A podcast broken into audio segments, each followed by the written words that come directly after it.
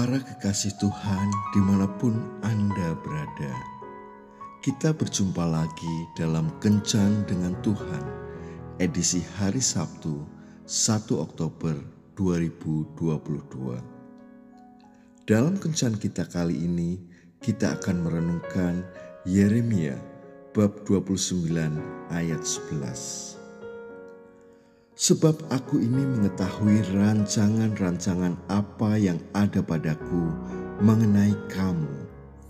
Demikianlah firman Tuhan, yaitu rancangan damai sejahtera dan bukan rancangan kecelakaan, untuk memberikan kepadamu hari depan yang penuh harapan. Para sahabat kencan dengan Tuhan yang terkasih, Freddie Features lahir di Florida, Amerika Serikat pada tanggal 26 September 1989. Ia adalah pemilik usaha telekomunikasi senilai 922 miliar rupiah. Ketika bayi, Freddie ditinggal ibunya di tempat sampah. Bayi Freddy lalu diadopsi pasangan Nathan dan Betty Features. Nathan dan Betty melihat Freddy sebagai anak yang cerdas. Sejak usia 9 tahun, ia sudah bisa membetulkan komputer yang rusak.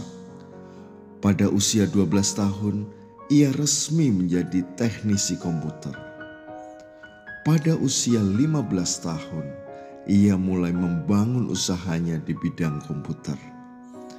Kini, dengan kekayaannya, Freddy aktif mendanai beasiswa dan menolong program anak muda serta lanjut usia. Pada zaman Nabi Yeremia, Tuhan mengizinkan bangsa Yehuda ditawan bangsa Babel. Ini terjadi agar Israel mau kembali mengandalkan Tuhan. Tuhan tahu rancangan hidup yang terbaik atas umatnya. Ia tidak mau umatnya lari dari rencana itu. Itu sebabnya ia membiarkan mereka kalah dan dibuang sementara waktu untuk menyadarkan mereka bahwa mereka tidak mungkin bertahan di luar Tuhan kelak Tuhan akan memberikan kembali kekuatan dan pertolongan bagi mereka. Di balik duka atas pembuangan itu, ada masa depan yang cerah yang Tuhan atur bagi bangsa Israel. Kalau saat ini keadaan kita begitu susah, banyak orang terdekat meninggalkan kita, dan seolah-olah kita pribadi yang terbuang. Janganlah susah hati. Tetaplah kita mengandalkan Tuhan dengan sungguh-sungguh.